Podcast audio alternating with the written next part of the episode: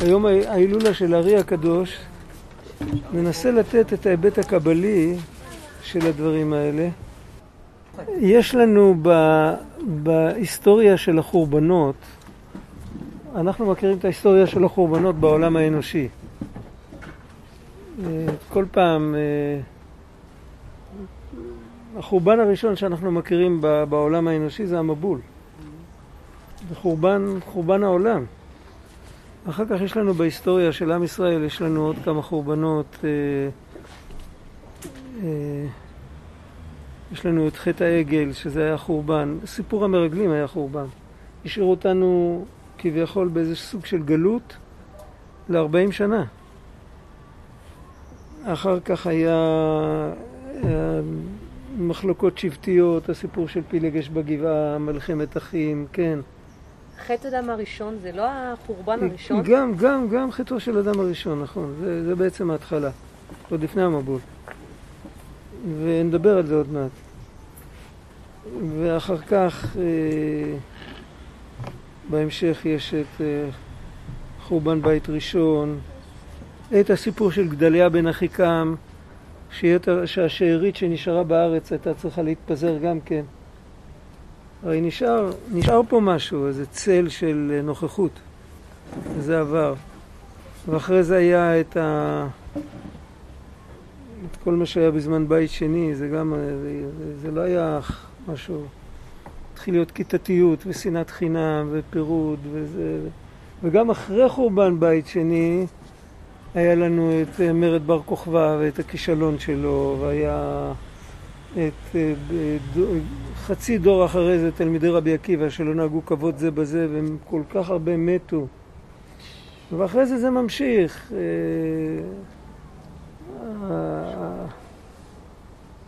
כל המלחמות שהיו פה, הביזנטים שנכנסו לארץ והרסו כמעט הרבה, הכל עם המון גזרות, אחר כך עוד נשארו פה, הארץ הייתה מלאה יהודים עד הכיבוש המוסלמי. מי שעשה פה את החורבן הסופי זה היה בני דודים שלנו, במאה השישית.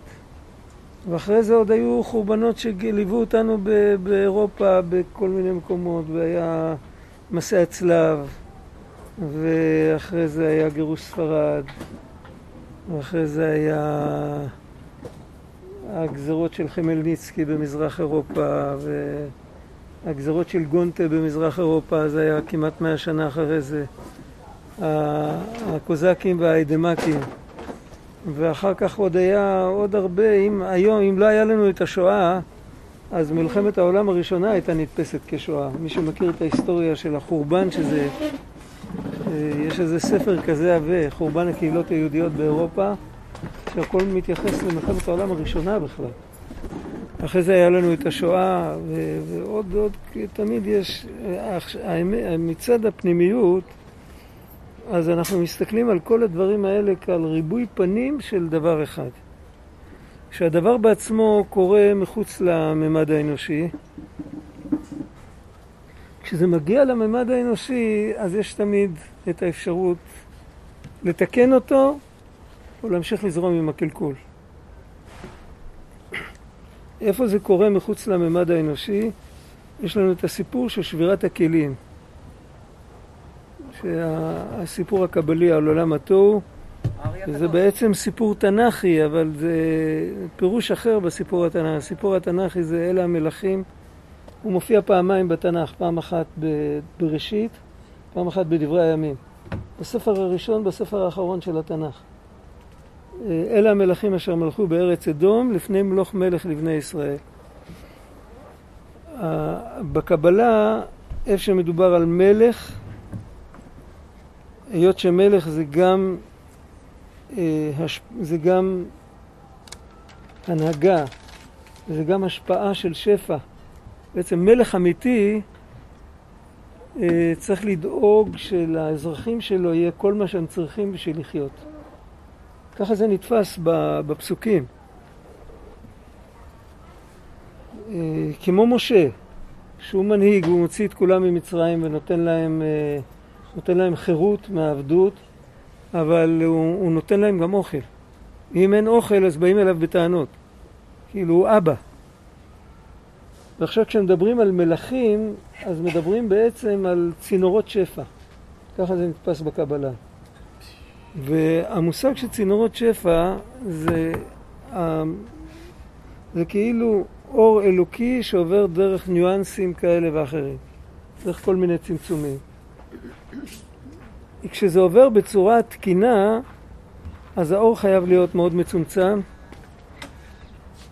כי זה אור אלוקי, הוא אין סוף, ואנחנו אמורים לקבל אותו. כל העולמות, כל העולמות שאמורים לקבל אותו, אפילו עולם עליון וגבוה ונפלא, צריך לקבל כבר אור כזה שיכול לסבול אותו, והכלים צריכים להיות כלים שהם יכולים להיות מספיק רחבים, לסבול את האור וגם אינטראקציה, לסבול את ה... את... שכל צינור מחובר לכל הצנרת, אם נדבר על, על אנלוגיה של צנרת. זאת אומרת, זה כמו שנאמר, ניקח למשל דוגמה את תלמידי רבי עקיבא. מה היה הסיפור אצל תלמידי רבי עקיבא? זוכרים את הסיפור? מה כתוב עליהם? לא נהגו כבוד זה בזה. עכשיו, למה הם כן היו צריכים לנהוג כבוד זה בזה? אני, כי זה, אני גם צריך לנהוג כבוד בך, אבל אנחנו לא תלמידים באותו בית ספר. כתלמידים באותה כיתה אצל רבי עקיבא, זה שהם נוהגים כבוד זה בזה, זה מה שנותן את השפע של רבי, שרבי עקיבא נותן להם להגיע לאיזה שלמות, ל, ל, למכלול. הרבה עיניים רואות את אותו טקסט, זה ברור, הרבה אוזניים שומעות את אותם דיבורים, כל אחד נותן את הצד שלו. כשמסכמים את הכל ביחד, אז מקבלים משהו מאוד עמוק, מאוד רחב, מאוד מבוסס, שאפשר ללכת עם זה. זה מורשת שיכולה להישאר עוד אלפיים שנה, לשמור עלינו בגלות.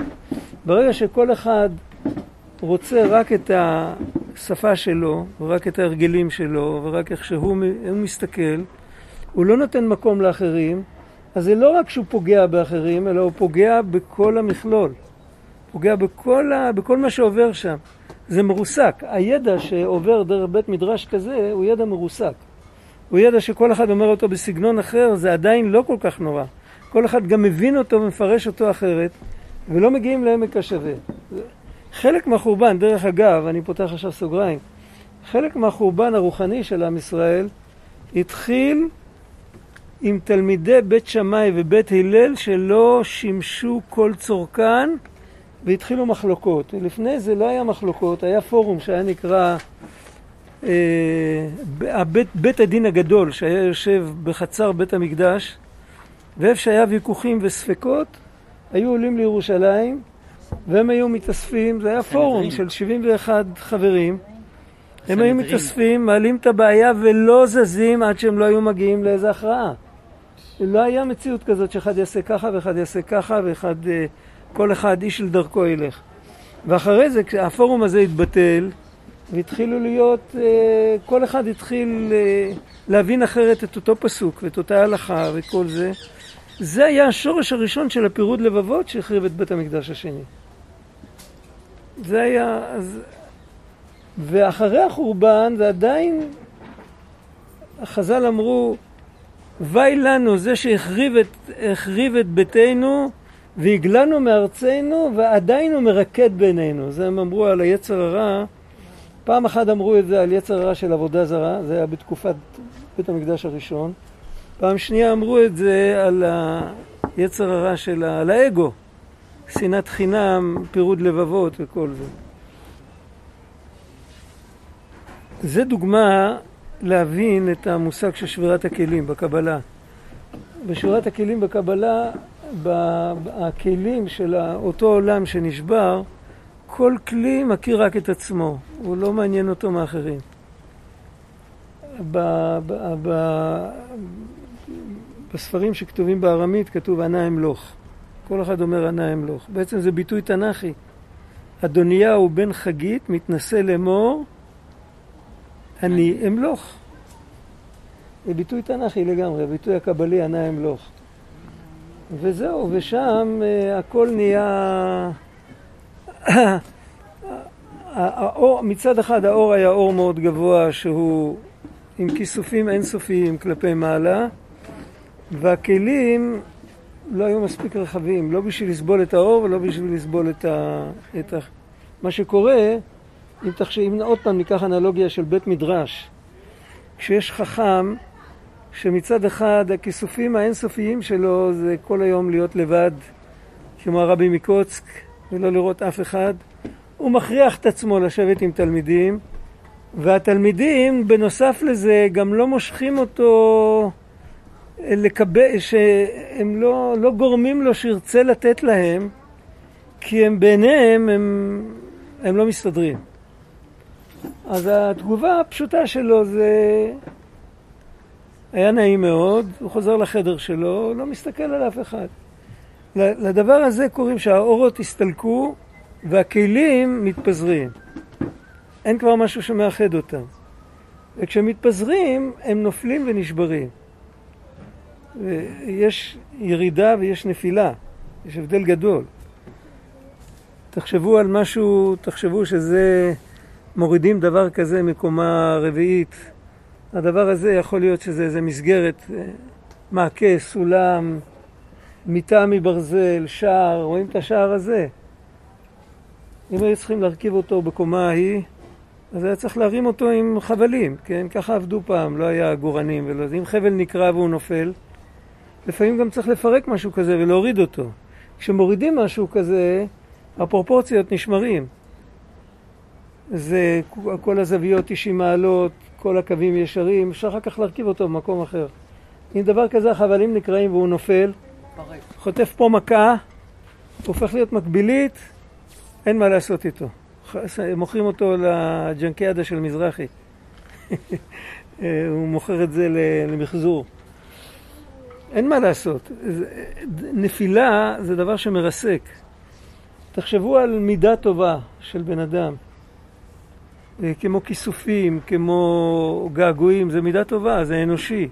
בעלי חיים, אני לא יודע כמה הם מתגעגעים, יש להם הורמונים, אבל הם לא מתגעגעים. תחשבו על דבר כזה, אם זה נופל וזה יורד למקום יותר נמוך, למקום יותר קטן, אז זה נראה יותר פרימיטיבי, זה נראה יותר מצומצם, אבל זה עדיין לאותו מקום. עדיין הבן אדם מתגעגע, יכול להיות שהוא מתגעגע לאלוקים, וכשזה נופל אז הוא מתגעגע לאבא שלו. אבל לא כשזה נופל, כשזה יורד. אבל אם זה נופל, אז הוא מתחיל לחשוב שהוא האלוקים. זה ברור, זה, זה משנה צורה. נפילה תמיד יוצרת שבירה, יוצרת עיקום. זה נקרא, ב, ב, בספר שלמדנו, בליקוטי מהר"ן, זה נקרא הקמימיות שבלב. זה לשון של חז"ל. חז"ל דיברו על לפשט את העקמומיות שבלב, ליישר את הדבר שהתעקם. זה, זה עבודה. זה, זה הסיפור של שבירת הכלים, וכשזה נופל, אז זה מתפזר, ואנחנו רואים את העקבות של, ה, של הניצוצות שנפלו ונתפזרו, יש שם הרבה קדושה. הניצוצות האלה, אפשר להכיר בהם משהו טוב, כמו, תחשבו על צנצנת מחרס שמלאה בסמים או בושם. והיא נשברת, וכל הבושם נשפך. אבל לכל שבר יש עדיין ריח טוב. אי אפשר לעשות עם זה כלום, אבל הריח טוב נשאר. זה רשימו. אפשר לדעת... זה הרשימו. זה כמו רשימו, אפשר לדעת את, ה, את ההיסטוריה של הדבר. ועם הריח הטוב הזה אנחנו יכולים לעבוד. אה, התיישבנו לא טוב. תעברי למקום אחר, אי אפשר לתלות פה וילון על השמש. לא, הכל בסדר. תזוזי לזה, בדיוק את, אין לך אף עץ. תכף זה זז. אני שומעת יותר טוב קו יציב. אני הייתי אגואיסטית, ישבתי עם הפנים לעינה, ידעתי מה מחכה לי פה. גם פה זה בערופנו. הוא ידע. אוקיי. טוב, כנראה שזה התיקון שלך עכשיו. את יכולה ללכת טיפה אחורה ואז השם... כן, אם תלכי אחורה זה... כן, עוד, עוד, עוד, זהו. עוד סנטימטר, הכל יסתדר. זהו. חשבתי על זה, רק לא רציתי להציע, לא רציתי להיות חוצפן. אז אני חוצפן? לא, לך מותר.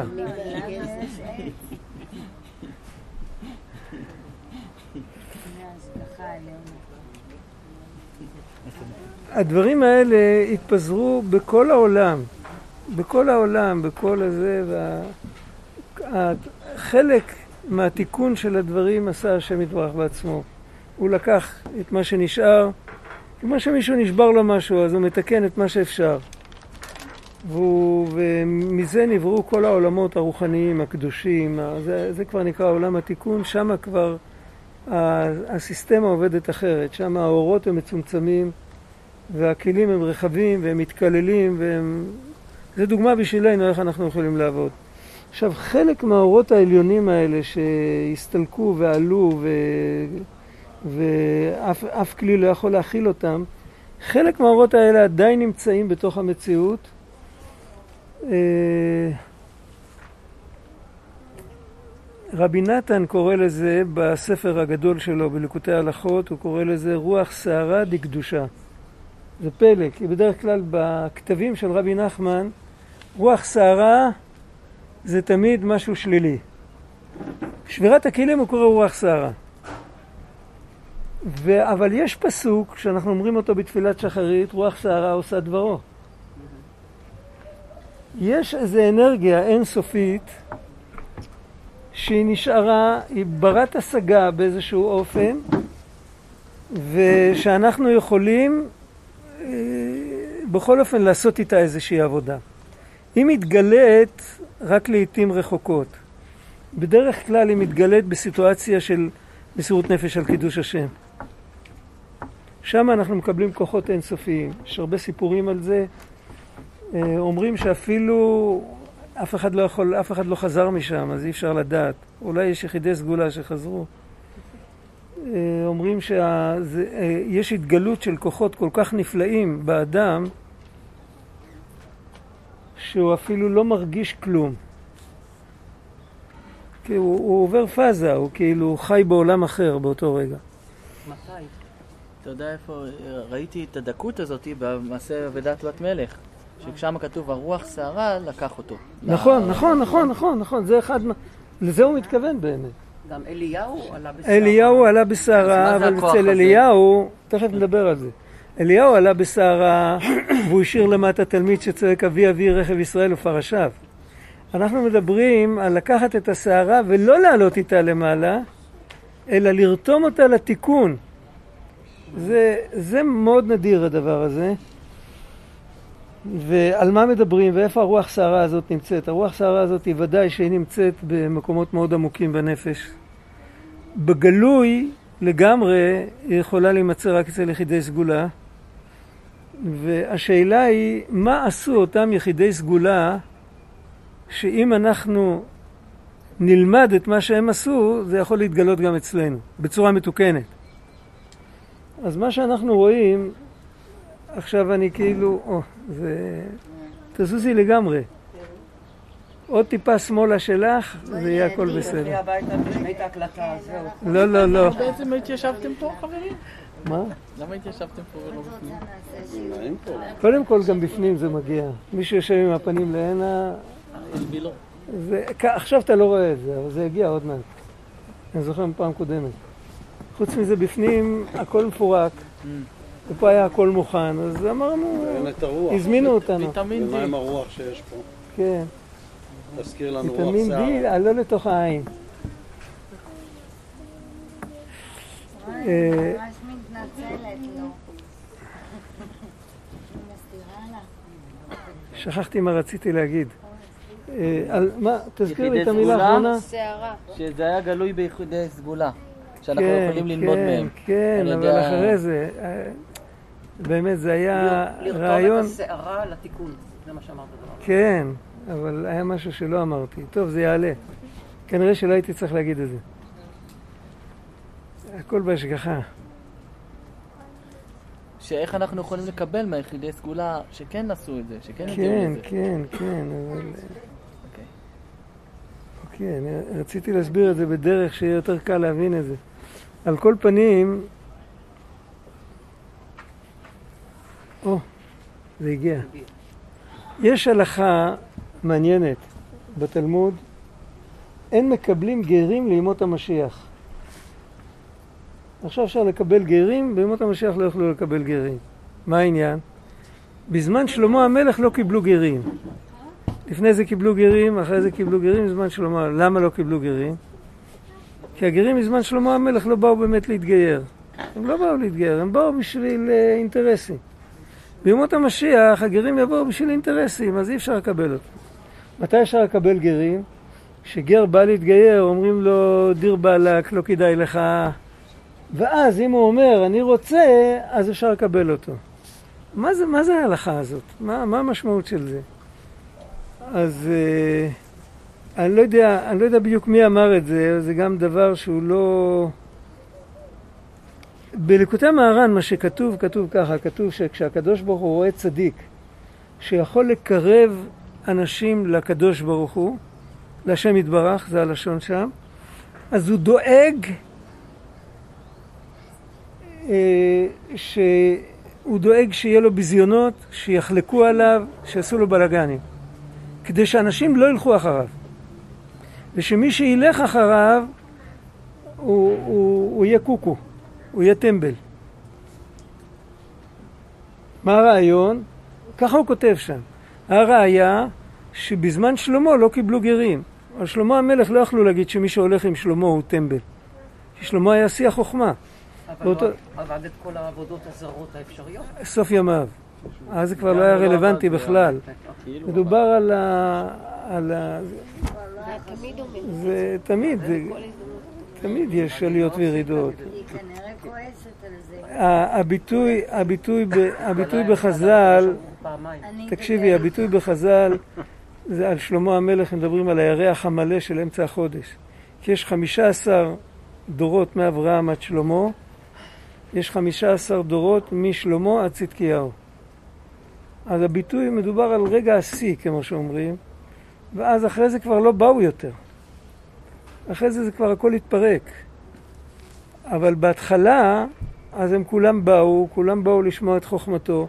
ודאי שהיו כאלה שהיו רוצים להתגייר, כי זה היה, זה היה כמו, זה היה הכי, הכי מודרני בעולם, זה להיות, אה, כמו, להיות כמו שלמה. ואז לא קיבלו אותם. אם אתה בא בשביל להיות אין ובשביל להיות, אה, יש לך איזה קטע חברתי, עכשיו מה העניין בזה? מה הוא כותב? הוא כותב שאם יש צדיק שיכול לקרב אנשים להשם יתברך, השם יתברך בעצמו דואג שיחלקו עליו ושזה לא יהיה. מה, מה העניין? שמעתי פעם אומרים שאצל הבעל שם טוב הרי היה ככה, שהוא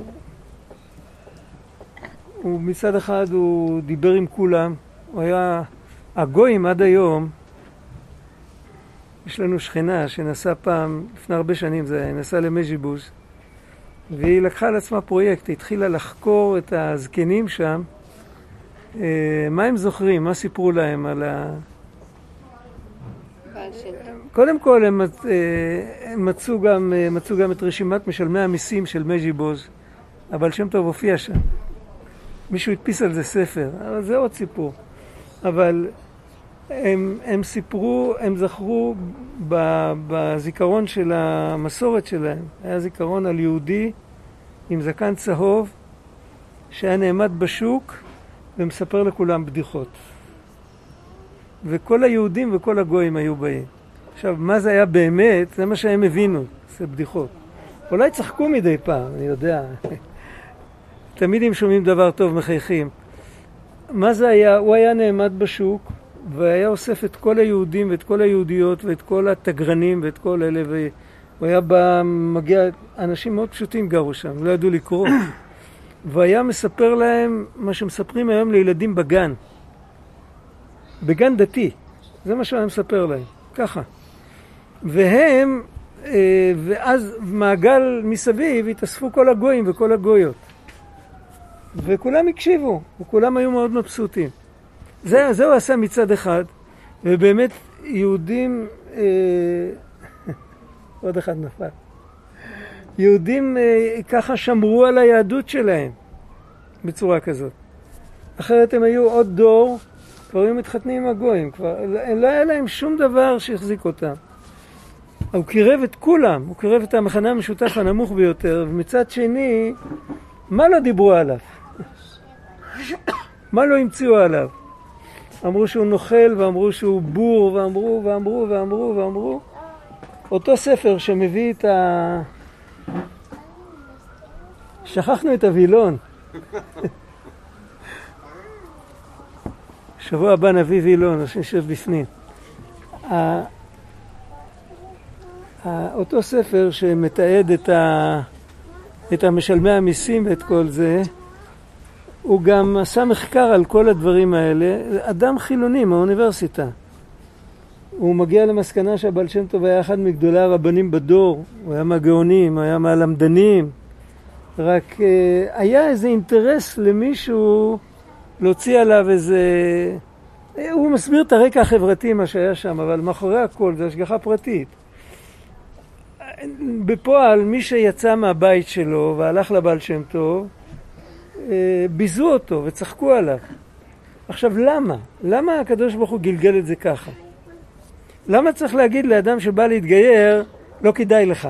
למה?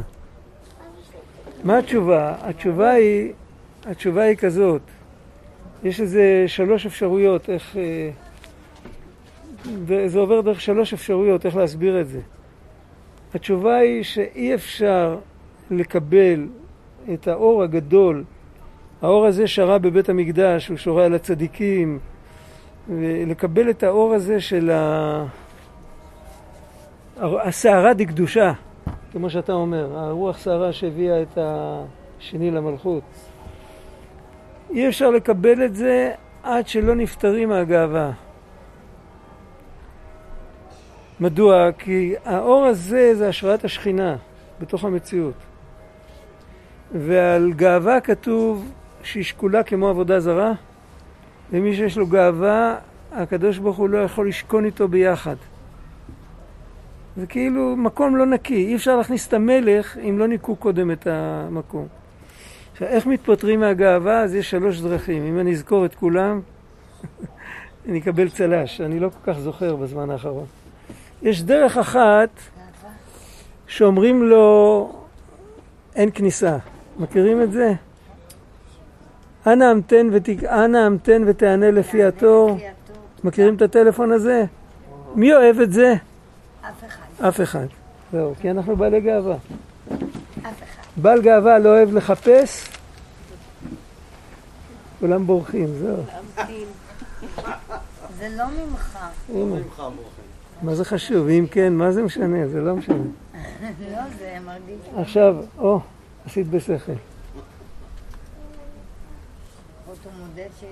הנקודה, ש... זה דבר אחד. יש עוד דבר שמונע, זה סוג של בית סוהר, זה סוג של עבודה זרה ממש. זה סוג של בית סוהר שאכפת לנו מה חושבים עלינו. מוכר? כן. יש לי חבר פסיכולוג, הוא אמר פעם, ישבנו כמה חברים ודיברנו, אז הוא אמר ל... הוא אמר ל... הוא אמר למישהו, מישהו אמר שהוא... כמה שידברו איתו זה לא יעזור לו, הוא אכפת לו מה חושבים עליו. ככה אני וזהו. אז הוא אמר לו, רגע, אכפת לך, אכפת לך מה חושבים עליך? מי? אנשים, אבל מי? מי? יש כל כך הרבה אנשים, כל אחד חושב עליך משהו אחר. אם אתה תתחיל לחיות כפי שכל האנשים חושבים עליך, מה יישאר ממך? זה חושב עליך ככה, וזה חושב עליך ככה, וזה חושב... מה, מה יש לך מה לעשות עם זה? כל אחד מושך אותך לכיוון אחר. אין לך בין כה וכה מה לעשות עם זה. אז תשתחרר מזה. זה פסיכולוג חכם שאמר את זה. למעשה זה בית סוהר. זה שאנחנו ב- ב- במקום כזה שאכפת לנו מה חושבים עלינו, זה בית סוהר שאנחנו בעצמנו יצרנו אותו, ואנחנו בעצמנו הסוהרים, ואנחנו סגרנו את עצמנו בבית סוהר ואנחנו לא יוצאים. וה- האירוניה זה שאף אחד, זה לא נעול, אפשר רק ללחוץ על הידית ולצאת החוצה. ואת זה, כל, ה- כל הקושי שיש, הקטע החברתי הזה שאומר, אה, כאילו, אני לא נעים, אני אעשה ככה, יסתכלו עליי, זה... בן אדם שרוצה באמת להתקרב להשם יתברך ולשמוע בקולו ולעבוד אותו, איך כתוב בקריאת שמע, בכל לבבך ובכל נפשך ובכל מאודיך, עד הסוף. אה, החברים יגידו, לאן נעלמת לנו? לא נעלמתי פיזית, אבל כאילו אתה התחלת לחשוב אחרת, להסתכל אחרת, להתנהל אחרת. איפה אתה? אתה לא אותו יוסי, כאילו, אתה פתאום נעלמת. אנחנו לא מכירים אותך. אייכה. אייכה. לא, לא אומרים אז לא נעים לי. לא נעים לי, אז אני מוותר. ו- ואז אני, זה, זה עוד דרך, שאני אני בעצם נשאר במקום שאני יכול לקבל את הקדושה ואת הכל, את המינורי, אבל את הכוח האדיר הזה שיש בפנים, קשה מאוד לקבל. עכשיו יש עוד דרך, יש עוד דרך שאנחנו לא יכולים ללכת בה כי זה, זה בגורם, הגורם המזמן, זה כמו שאומרים, כשמגיע דבר מעצבן. מכירים את זה?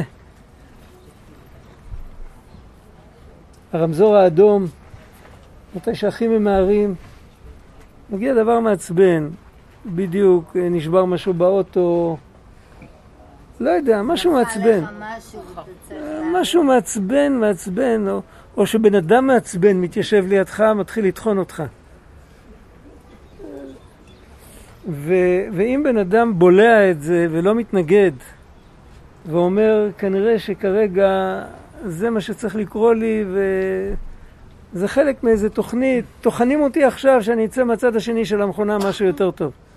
זה עיבוד, זה עיבוד בעין. גם זה, כל הדברים האלה גורמים לנו שאנחנו יכולים להיפתח. הדבר הזה אנחנו לא יוזמים. רק שאלה איך מתייחסים לזה.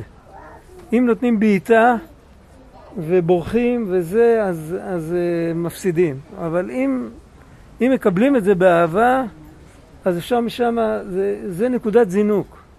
הדבר האחרון, זה הדבר הכי בנאלי והכי פשוט, זה שכל אחד מכיר את זה. בערב, לפני שהולכים לישון, מה צריך לעשות?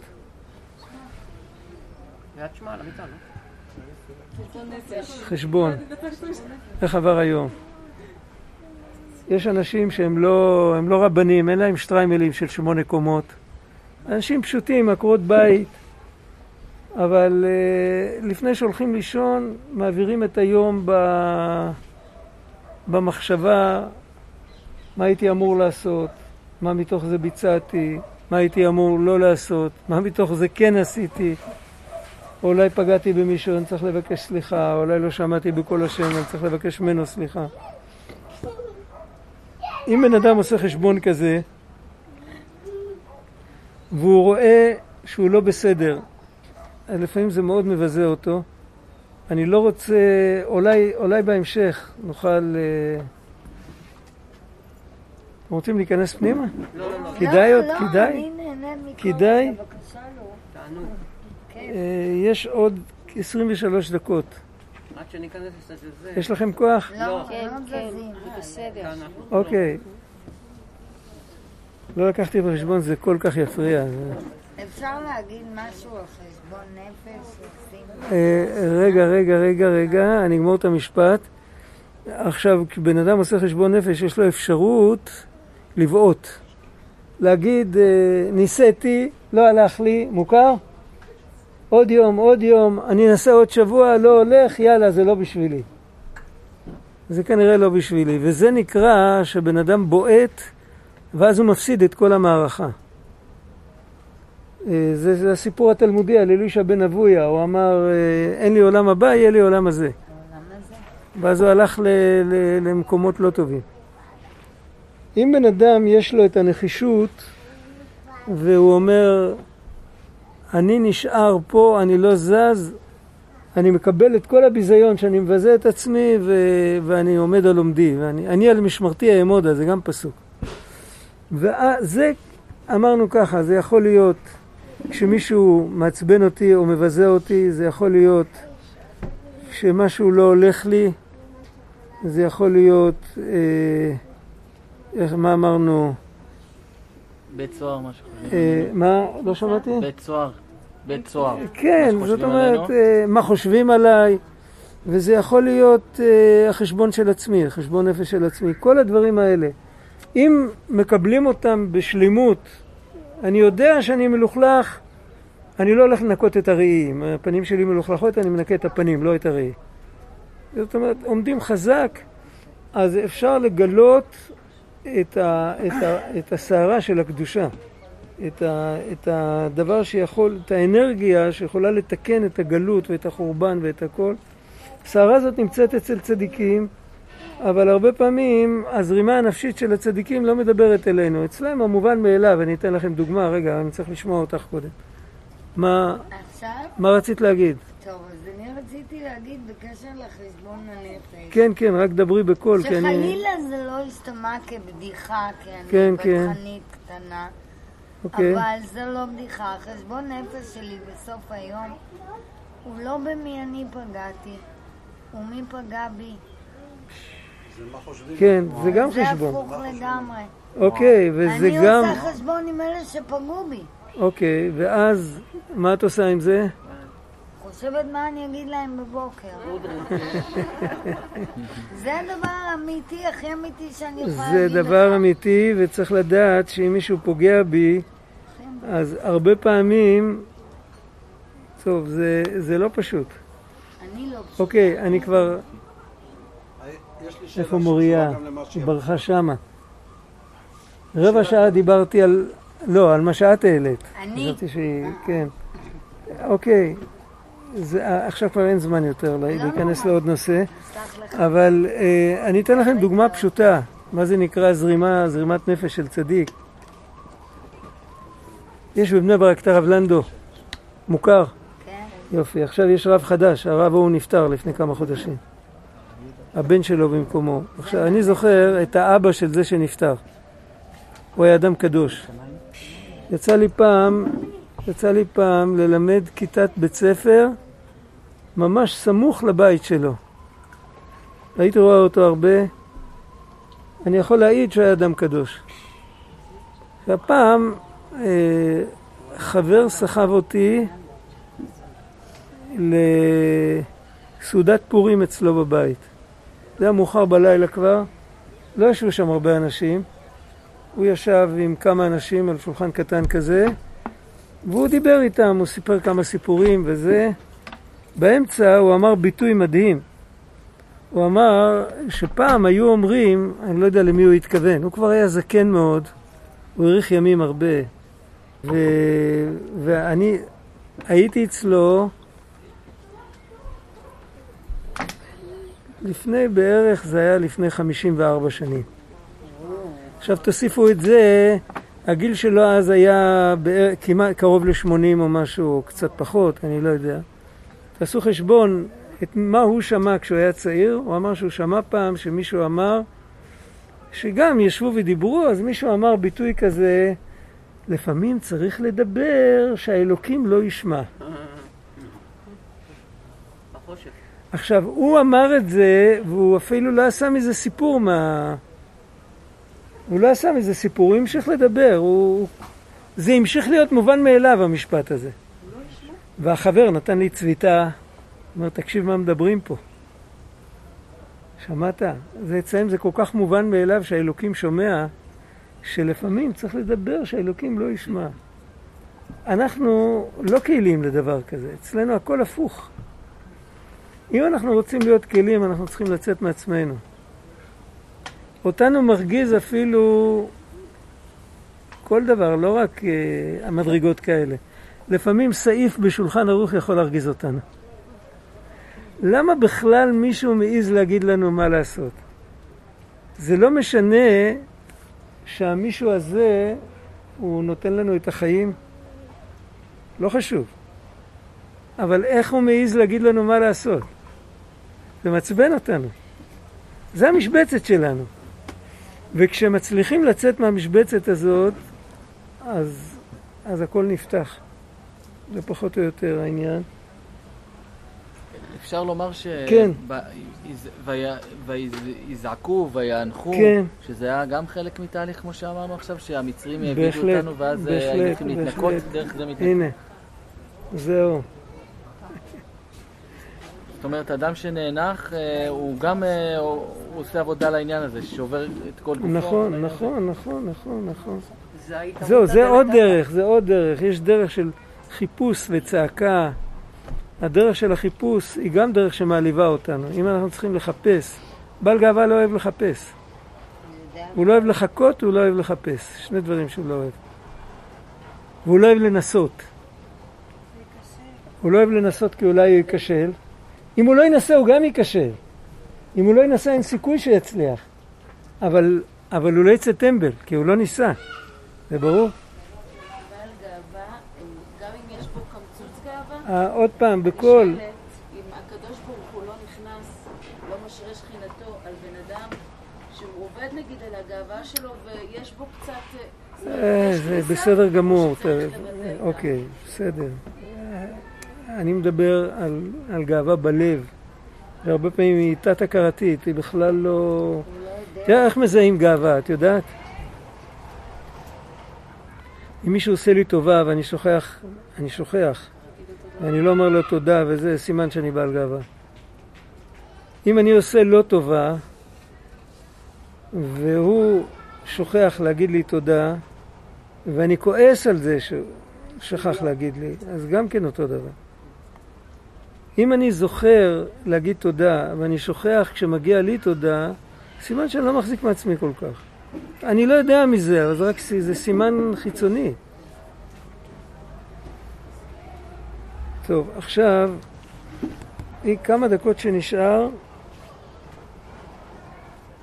אפשר לגמור היום קצת קודם, בגלל השמש. אני לא רוצה להתחיל עכשיו אפשר להביא עניין. את השולחן מטר, כל אחד תופס ביד. כן, אבל לא כדאי. זה באמת לא כדאי, כי די, יש. כל כך קצת זמן נשאר. אפשר להשאיר את זה ככה, והכל בסדר. לא נורא, אפשר להחזיר את הזמן פעם אחרת. אתם חייבים לי זמן. חוץ מזה שאני לא חייב לאף אחד כלום, כי אני לא לוקח גרוש. אפשר לשאול שאלה לפני שמסיימים? אה, אפשר או לפני או אחרי. מה שתגיד, אני, יש לי... לא משנה, אבל מכזה רחוק קשה לי לשמוע. העניין הזה של מה חושבים עליי, כן, שהוא, אין ספק שהוא מכשול אדיר, אבל מה הוא, מה, מה הוא לוקח? מה הוא? מה הוא לוקח ממני? את החופש, מה הוא לוקח? את החופש, את החופש. את הבחירה. ואז אם יהיה לי חופש, אז מה? אם נניח ולא, אז מה? אני אהיה פנוי למשהו אני שככה אני אוכל אליו? לעשות את מה שבאמת נכון, ולא את מה שהחברה מכתיבה. באמת כן צריך לחשוב מה חושבים עליי, כדי לא לפגוע באחרים. אבל לא כדי לא להיפגע. יש הבדל בין אדם עדין לאדם חנפן. זה הבדל גדול. האדם עדין מתחשב בך כדי לא לפגוע בך. החנפן מתחשב בך כדי שתחלוק לו כבוד. אז החנפן הוא בבית סוהר, האדם העדין הוא אדם בן חורין. הרבה הרבה, אנחנו יודעים במציאות, הרבה הרבה אנשים היו עושים דברים הרבה, המון המון דברים טובים, רק בגלל סנקציה חברתית. אנחנו תמיד מסתכלים הפוך, שבן אדם הוא רע, הוא היה עושה המון דברים רעים, רק הוא פוחד שיתפסו אותו אז הוא מתנהג יפה. וככה מסתכלים בדרך כלל, אבל האמת שהרבה הרבה אנשים, לא כולם רעים. יש המון אנשים שהיו עושים דברים טובים, ובגלל שזה לא מקובל ולא רוצים להיות פראייר, אז לא נכנסים לזה. או, או שאתה פראייר, או שאתה נראה שאתה חוזר בתשובה, או שאתה... מכירים את זה שמישהו מגיע עם כיפה ואומרים לו, מה קרה? מי מת? מוכר? אתה בטח אבל, אולי חזרת מקפריסין. כן, כן. או שעומד נגדך צו אה, אחר. כן, כאילו... לא נעים. לא נעים. טוב, אנחנו היום נגמור פה. לאט לאט בטפטוף, בתשלומים, אפשר להחזיר את הזמן. ובלי נדר, שבוע הבא, אם השם ייתן כוח ונגיע, אז ניכנס בפנים. כן.